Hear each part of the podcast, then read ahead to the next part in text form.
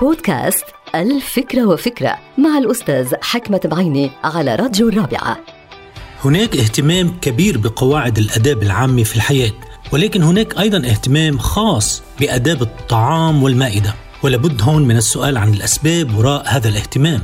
الجواب برأيي أن الاهتمام بآداب المائدة لا يفوق بأهميته عن الآداب العامة بشكل عام كآداب التحية والسلام والمصافحة والجلوس ولكن يتميز أو يتفوق بمعانيه وأسراره وارتباطاته المميزة بالشخص اللي نحن عم نشارك الطعام معه أو أحيانا مع الأسرة والعائلة وغيرها من الارتباطات الاجتماعية. وذلك لأن الطعام يختلف تماما عن غيره بيحمل معاني أعمق بكثير من غيره. اولا هو الغذاء والطاقة والنمو.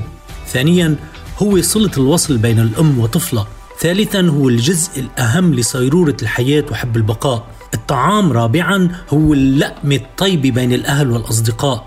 وخامسا هو الخلطة الرومانسية بين العاشقين بس ياكلوا اللقمة الطيبة مع بعضهم.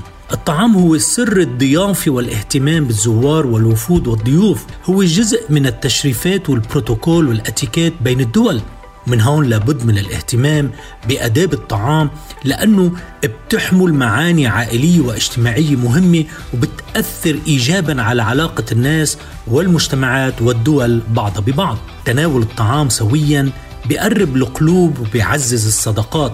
هو النعمة اللي منتناولها سويا لنتشارك سويا بمذاق الطيب وغذائها وطاقتها وفوائدها. هو النعمة اللي بتدخل إلى عالم الإنسانية من بوابة المائدة وأداب المائدة وقواعد المائدة.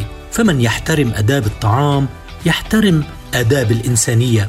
انتهت الفكرة هذه الحلقة مقتبسة من كتاب الفكرة وفكرة.